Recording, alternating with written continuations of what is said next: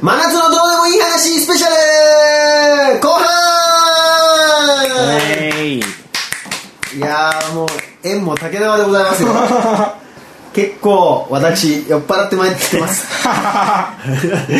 というわけで、あのー真夏の、あのスペシャル後半なんですけど、はいまあ、ちょっとこのね文化的な話をしようとそうだねいう話でござい前ます半はね島国について、島国根性の素晴らしさに神田君が語ってくれるっていうね感じだったんですけどもまあなんかたまにはちょっと音楽の話なんか語ってみようかとはい音楽映画本なんかねカルチャーにつそういですてねカルチャーにねあの軽いって書こうのカル チャーですねちなみにあの大久保君が大いに影響を受けたアルバムとかってあるんですか、アーティストとかおアルバムなるほどねなんだろうないやまあ一番もう本当に多分よよ今までで一番聴いたアルバムで言うとやっぱ小沢健二の犬あーキャラかな、へあそうなんだねライブじゃないんだね僕あのねライフから入ったんだけどやっぱトータルではやっぱ犬キャラの方が効いたかなーああそうなんだああそうなんだ、うんなるほどね結構ベタなんですよね、はあなるほどね犬キャラのもやっぱあの天使たちのシーンを超える曲っていうのがこうやっぱ出てこないぞと一生の目標でもありってとこかななるほどこなれやっぱ何人があってもあの曲聴きますからねああなるほあどねの人生においてやっぱあれ何が失恋しても震災起きた時もやっぱあの曲さ、ね、10, 10分近くあってさそうだねうん、あれを、まあ、福岡におる頃とかはあれを聴きながら、あれをリピートでやっぱドライブとかするとさ、まあこう海家から海に行くまで、まあ大体5回ぐらい聞けば海に着くんやけど、うんっていうことをずっとやってましたねああそうなんだないい話だね、うんあの曲やっぱねすごいんですよ何がどこがやっぱり好きなの俺ね犬キャラに関して思うのは、ライフって結構さその小沢健二がさ若干その演じてる感じがあるんだよね、うんううんんライフねうん、だからファーストの方がなんか虚飾がないじゃんうん結構、うんシンプルっちゃシンプルじゃん、うんだなんかその感じはねすごいいいなと思うんだよね、うん独特の磁場があるかなって、何なんですか俺はでもね一番影響を受けたのはやっぱ空中キャンプじゃないああそうだねやっぱねそうなんだでねすかねやっぱあのーこう意味なんかないさとか言われると、やっんうんぱ高校生の俺としてはその通りだと思ってたわけよフリッパーズも言ってたね意味なんてなんてそうだね僕はねそのこ当時ねそのいろんな人が意味なんてないって言ってたのを、うんあのなんか結構嫌で、うん当時書いた歌詞でね、意味なんてあるからっていうのがおおあそ意味なんて何にでもあるけどその意味があることに対して重要性はないというかうん意味はないっていうねうんうなるほどねことを言ってたかいでもまああの時期そういう時期だったのかもしれないね、うん、90年代のさ後半うんバブルも、そうだねそうね90年代は意味なんてないさがかっこよかった時代なんだよねそうだねで2000年代は意味なん意てあ味るなんてあるけどそれは大して意味のあることではないっていうことかな、そうだね、俺さこんないつもハッピーなラジオで言うことではないかもしれないけど、うんみんな音楽に飽きてねって思うんだよね最近ああのさ、本気で心が躍るさ、ーうんその90年代的なさ、もうなんていうの全身全霊かけて好きっていうのってさ、あんまない気がするんだけどさそうだねそれって年のせいなの年のせいかなと俺は思ったんだいけやどでも全体的にそうだと思うよやっぱそうなんだ消費やっぱその形的にもさ、消費されるものになってきたしさ、そうだねなんかその分からんけど発信する側もおそらく熱量がねうんなんか、なんだろうな言ったらだけどさいまだにやっぱりその何かあると俺は天使たちのシーンとかを聞くわけや、うんもう20年ぐらい前になるのかな、でもさ多分今まあその全員とは言わんけど結構どんどん作ってる人って、10年後に聞いてもらおうとはあんま思ってないと思うあれだねそのごめちゃんがゲストの回じゃないけど、その瞬間瞬間のなんていうんだろう、パッとの盛り上がりにずっと全員がかけてる状態でしょ、うん、なんかまあそれなんだろうねそれを狙ってるっていうわけでもなくなんか単純にそれが面白いっていうのもあるし、まあ、それができる環境にもなったしさ、そうだね昔は単純に作るとなればそれなりの、ね、時間と労力と金がかかったけどさ、っていうのがあると思うけどねなるほどねなんかそんな中僕はやっぱりそのアナに関してとかアナのアルバムに関してはなんかそのコンセプトみたいなとこでなんかね10年と言わずとも5年後でもちゃんとこう手に取ってもらえるっていうのがやっぱこうなんか根底にあるけどね、深い茶化しちゃったけどでもまあ、実で際もそうだなんかでもそれもどんどんやっぱり10年とか5年っていう単位になってきた気するななるほどね、そういうとこを考えるとやっぱサザンとかああいうのはすごいなって思うけどね、そうだね復活したしねサザン、最近ねやっぱ桑田佳祐っていうのがあのひょうひょうとした感じを出せるっていうのがいいよね、神田君はなんか何なんですかその唯唯一ミュージシャンじゃない立場そうとだして、ねいやでも僕はねやっぱベタになるけどフリッパーズのファーストなんですよねファーストなんフだァーストファーストってなんだっけスリーチアーズフォアワーサイドです海へ行くつもりじゃなかったもうあのキラキラした感じ、ああなるほどね、もう一番ポップじゃんみたいな英語詞だしねそうで今聞くとちょっと英語がひどすぎて聞けないんだけどあ れ、それも含めてそ思い出としてそうそうそあそうなんだそれ意外っちゃ意外だね、うもうあっこが全ての始まりかな俺あれを聞いてもう打ちのめされてでもアズテックカメラとか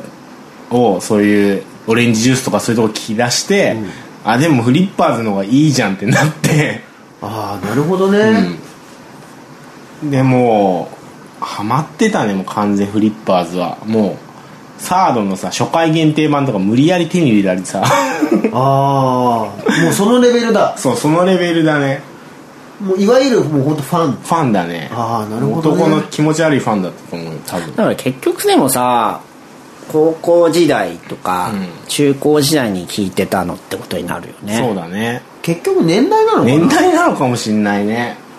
いやでも,、ね、でもだからそれが今中高生が聞いてるものがその30とかになっても、う残っなんかその本人たちの中にでいいいけやどーわかさるでも俺28ぐらいの時にさあれよ289まあ30前後とかであのーあれを見たんですよライブアットザズーじゃなくて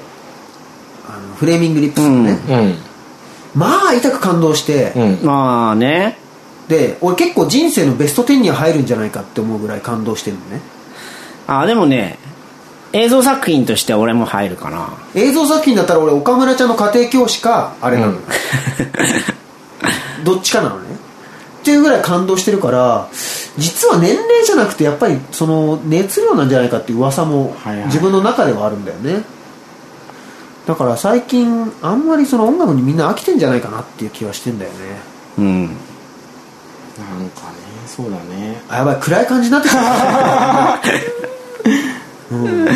いや結構なんかだからみんなあのおすすめの CD とかあったらうん、ガンガンメールで送ってくださいそうですねはい。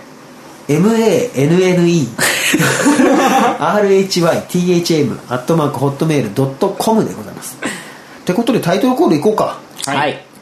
じゃあまたナスバージョンで「アナ奥本」ビギン選手のレディ「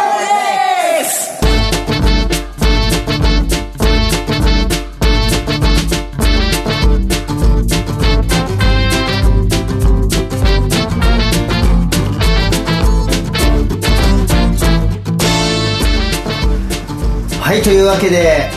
どうでもいい話スペシャルでございますよはいはい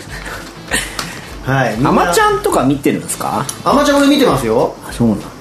お見てないアマちゃんいいよ僕見てないんですよ全く見てないもう JJJ の使い方が分かんな分かんないいやー JJJ はでも言えないよね アマちゃんってやっぱそんな面白いんですかあのねやっぱねガチで面白いかっていうとどうなのか分かんないんですけど、 うんあのー、アマちゃん毎日やっぱりその15分っていうそのねうん短い時間での引っ張り感でん毎日見ちゃってる感じかなうんなんかあれ多分トータルで毎週1時間とかだったら別にそんなに見ないんだよね、それはさそのなんか仕事的にちょうどその時テレビ見てるあそうそうって出こと勤前に見るとかって感じかなやっぱでもそうじゃないと見らんよね、そうだね朝、ま、わざわざあれを起きてあれだけを見るっていう感じはないよでも結構多分久々の大ヒットでしょ、そうだね朝ドラとしてはあとね音楽が意外にいいんですよあれああ大友さんですよね、うんなのでやっぱそこでの引っ張りで見ちゃう感じなのかなそうねみんなあまちゃんあまちゃん言ってるからさ朝ドラ出たって話言ったっけえ飛び出した よなんかジェジェジあそれ楽しい使い方しいのェジェジェってそう驚いた時に出るやあつですねそうなんだねそう朝の連続テレビ小説出たことあるんですよ僕何役でまあエキストラっていうか生徒の一人って感じで、うんちゃんと画面映ってセ リフとかえもなそれでセリフもあったよな何の時先行ってるねっていうセリフそれね「走らんか」って福岡が舞台のおおえっと菅野美穂の三国なんとかっていう男がヒロひあのしえ菅野美穂が出てた菅野美穂がヒロイン効果のいやそれ知ってるよ何走らんかっていつの間にやってたのそんな俺が高校2年の時のあそう、うんえ菅野美穂もあったのあったよもちろんもち ろんなんだ と学校にロケ来てたもん夏休みの時なんでそれえ大阪でしょうん大阪あのね制作が NHK 大阪で俺の高校 NHK 大阪のすぐ隣のにあったのねそれロケ班に来て決まって、結構なんかね校舎の作りとかが結構変わってる高校だったから、うんまあ、ちょうどいいんじゃないかみたいな話になったみたいでそれは設定は福岡なんやけど大設定阪で撮福っ岡てでたロってケこはそうとへえいやー俺菅野美穂とか会えたらその場で死んでもいい その瞬間に絶命してもいいもん菅野美穂高校時代に会った時の感 感動ったらなかったねうちの子来てるっていうちょっと持ち帰って家であ れ写真とかある多分家にやばいね、うんへえすごいねそうそうそう今日この収録でマンドリン から俳俳優までやるっていう俺の過去が暴かれてる感じだねそうだね神田君神田君ってさ、うん一体本当に何者なの 分かんない自分でもギター弾いてドラマ出てすごい ?JWAVE 出てね全部出て長渕と一緒じゃないですかライターもしつつライターもしつつだよ伊藤にも行ってそうだねタイでタイでナンパをしタイでナンパをし台湾で羽目を外そうとして失敗しあれは良かったなでもいい思い出になったな朝ドラはあそうなんだ多分ね1ヶ月ぐらいずっとロケしてたんだよねそれで俺その自由に動けるそんな厳しいクラブじゃなかったからずっとロケ見てたのよ、だったら出てみないって言われてそれセリフがあるって台本があったってことじゃあで台本はなくてその、まあ、こういうセリフ言ってって言ってその場でうんその場でちょっとそれ再現して本気で「先行ってるねこれ流行語大賞いける 先行ってるねはいこれ聞いてる人はみんな先行ってるね使ってくだ」さい使っねてくださいそうそうそれってレンタルとかで見れんじゃないですか見れないんだよねなな全全くヒットしなかったんだよえもうだからさあのチュラさんとか並みにヒットした多分 DVD とかあるんだろうけー、そうどなんだでも僕福岡だから知ってますけどね、うん走らんかって走らんかうん見てた覚えがなスペいランカーみたいな感じ 全然違う多分どバンドの話走らんかって方言ですよへー走らんねあそえうみたいな最近ちなみにさなんか面白かった本とかないの神田君的には最近はねなんかえっ、ー、とね市沢純子さんってわかるわかんない市沢純子さんっていうね「あの世界土地機構」っていう本がねすごい有名な人で、はい世界のその豚とか牛とかを潰して処理場、うん処理場を回ってイラストルポにして描いたので有名になった人が「情熱大陸」とかにも出たことがある人で、その人の「体の言いなり」っていう本がすごい面白かったね、うーんそれはですねなんかその人乳がんになったのうんでその乳がんになった時のまあ顛末っていうのを書いてるんだけど、うんまあ、全然闘病記じゃなくてもう「体の言いなり」っていうそのタイトル通りでそのそれまでは僕ら僕ら僕すごい共感したところが医師ばっかで医師を最重要視してたとその内澤さんはね、うんその体と意志のバランスっていうのがあるんだけどもう体を無視してその頭ばっかで考えてたらおかしくなってでとうとう乳がんになっちゃった、うんそその後に体に身を任せる体の答えを聞くっていうようにしたしていったらどんどん調子が良くなったっていう本なのはあだか要らするなんにか今寝たいって思ったら寝とくそとうそかうってそいううこと体に正直にっていうのでなんかヨガとか行ったりとかなんか食べ物気をつけるとかなんかそういうね体がと精神がつながっててっていうのをすごい学んだ本だったね僕なあるほどねれ、ヨガやってますもんね最近うんそうそうそうヨガやってんの神田 君いややろうとしてるっていうところ なんかそれすげえ気持ち悪いねなんか男のヨガって俺すごい引くんだよ ねいや俺だからねそれは女の子と行こうと思ってるいや一気にエロく夜ヨガさだすがに男一人でヨガなんか嫌じゃん、いや女の子ちゃんと連れてしもう行きたい女の子もちゃんと見つけてるし もうちゃんと女の子と二人で行くっていうあそうなんだ、はい夜のヨガに突入するぞなんかねそういう体に正直に生きた方がやっぱ人生うまくいくんじゃないかなっていうでも頭ばっかで意志すげえ正直に言うと神田君結構体の言いなりに動いて るそうだね瞬発力だけで生きてるからねなるほどねそうそういうのをちょっと再認識した本だったかなっていうみんなおすすめですよレコメンドですねレコメンレコメンぜひ講談社のエッセイ賞を受賞してますちなみにああすごいね、はいそれはちょっと読んでみたいですね、はいちなみに大久保君は僕なんかね最近本はあんま読んでないんですけど映画映画っていうかねあのね結構前に買った DVD であの「矢野まみ」っていうはいはいはい NHK のドキュメンタリーが DVD になってるんですけど、それをね結結構1年以上前に買ったんやけど、まあ、そのみ買った時もすごいあの衝撃的で買ったんやけどなんか最近その時間あるからあのそれをね家のホームシアターでね大大画面で見てね改めてねそれがやっぱなんか久々に見ても衝撃的でしたねへ「え矢野まみ」っていうあのねアマゾンのねそうそうそう奥地の奥地に住んで本当にあのなんだろういわゆるテレビであのなんかこうなんつうとそういうアマゾンの部族に会いに行くみたいなののさらに奥地の、もう本当に人が入ってないような、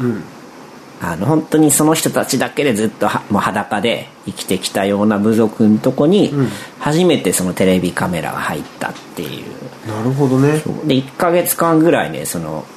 あの本にもなってるんですけど国分なんとかっていう、あのし人が入って取材をしたんですけどね、あのねすごいあそうあのねもう本当見てもらうのが一番いいけど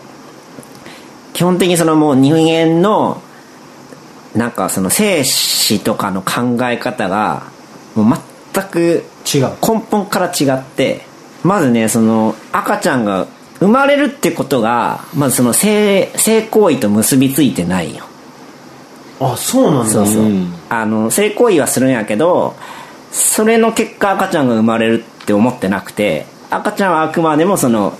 精霊が宿ったっていう考え方でそのこう一回しいたしたからんできちゃったとかじゃなくてたまたまできたってい性う行為はもう簡単順にこう快楽の行為であって、でその、ね、出産のシーンもねあのちゃんと収められてるんやけど、ん結構衝撃的なんやけどさ本当に出産するのそのむ山のまみの族、部族の人が女の人が一人ちょうどうんそのタイミングで、た時になんかねその子をそのヤノマミとして生あの命を与えて育てるのかあの精霊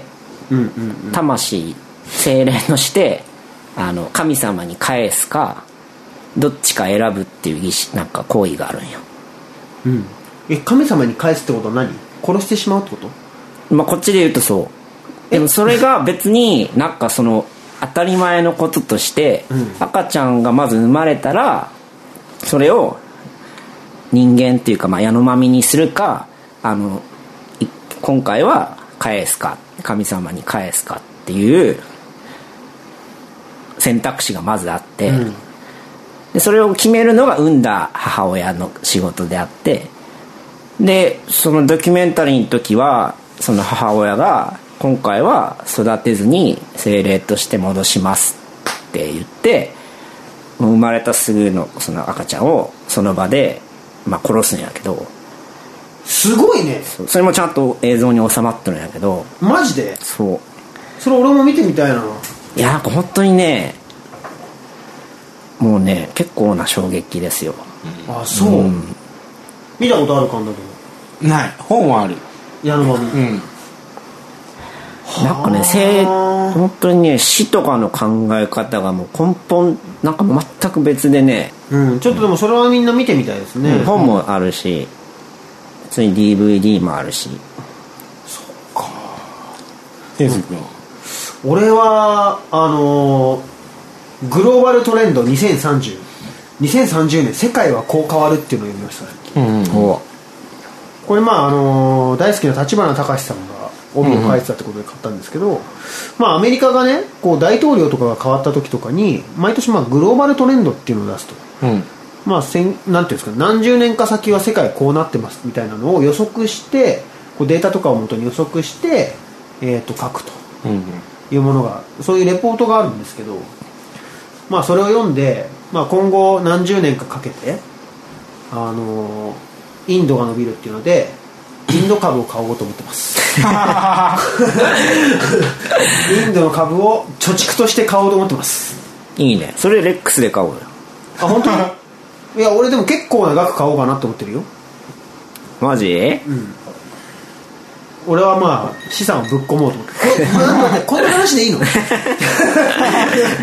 このラジオってこんな話でいいんだ っけインドの映画のえっと ムトゥ無視じゃない踊るマハラジャそれなんだっけナトゥーもあなっったてよもまった ねなんちゃんがやったやつやねじゃなくて今やってるねきっとうまくいくっ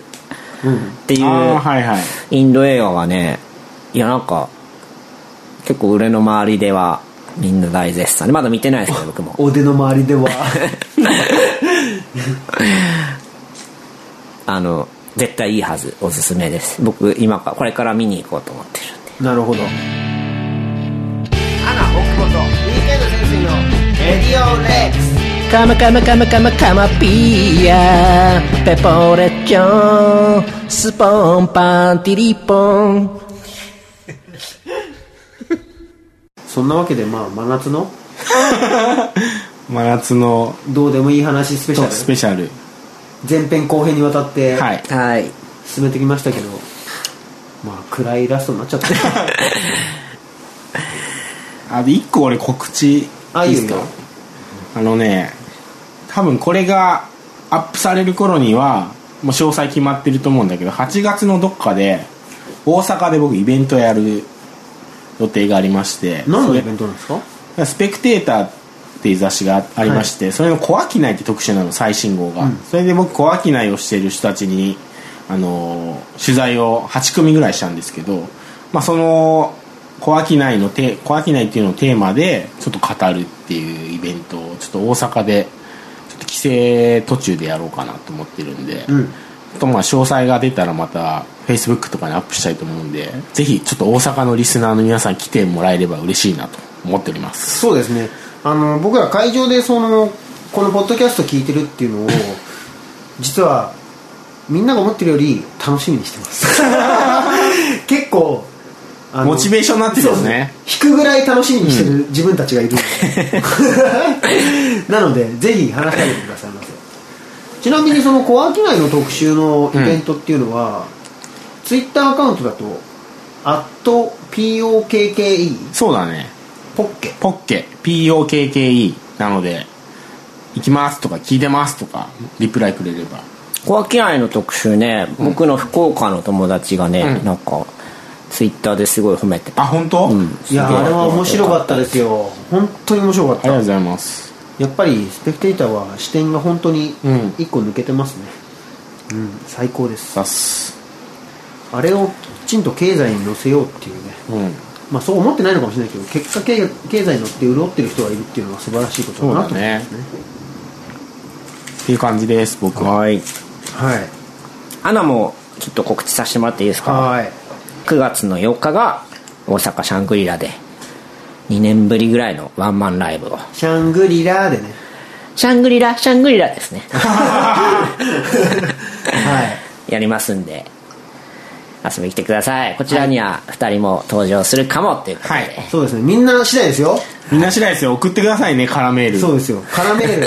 なんでカラーメール募集するの メッセージでいいやろいもうマジで感想とか待ってるからね、うん俺たち本当なんでもないメールがすごいあの気分上がるからねそうそうただ言っとくけど割とそっけねえ よ割とそっけないけど楽しみにしてるって、このあの絶妙な男心を分かってほしい、ね そうはでいすよはいそんなわけではいあれですね目標としてはこれは一応7月号なのでうん8月の配信に関してはなるべく早めにそうですねそしてしっかりやりたいなとそうです思ってきますよたまにはこんな回があってもいいんじゃないかということそうですねやっぱ夏のテンションでねもうライフワークですから、うんそうですね、だらだらとこういう感じでいいんじゃないでしょうかね、はい、もう聞く人だけ聞 けとなんなら聞いてる人全員集まって飲み会やりゃいいんだよっていう噂もありますけ どそうですね はいですはい。じゃあ、暑い日が続きますけども。えそんなのあんの 皆様体調にはお気をつけてはい。はいいい夏をお過ごしください。じゃあ、おつかレレックス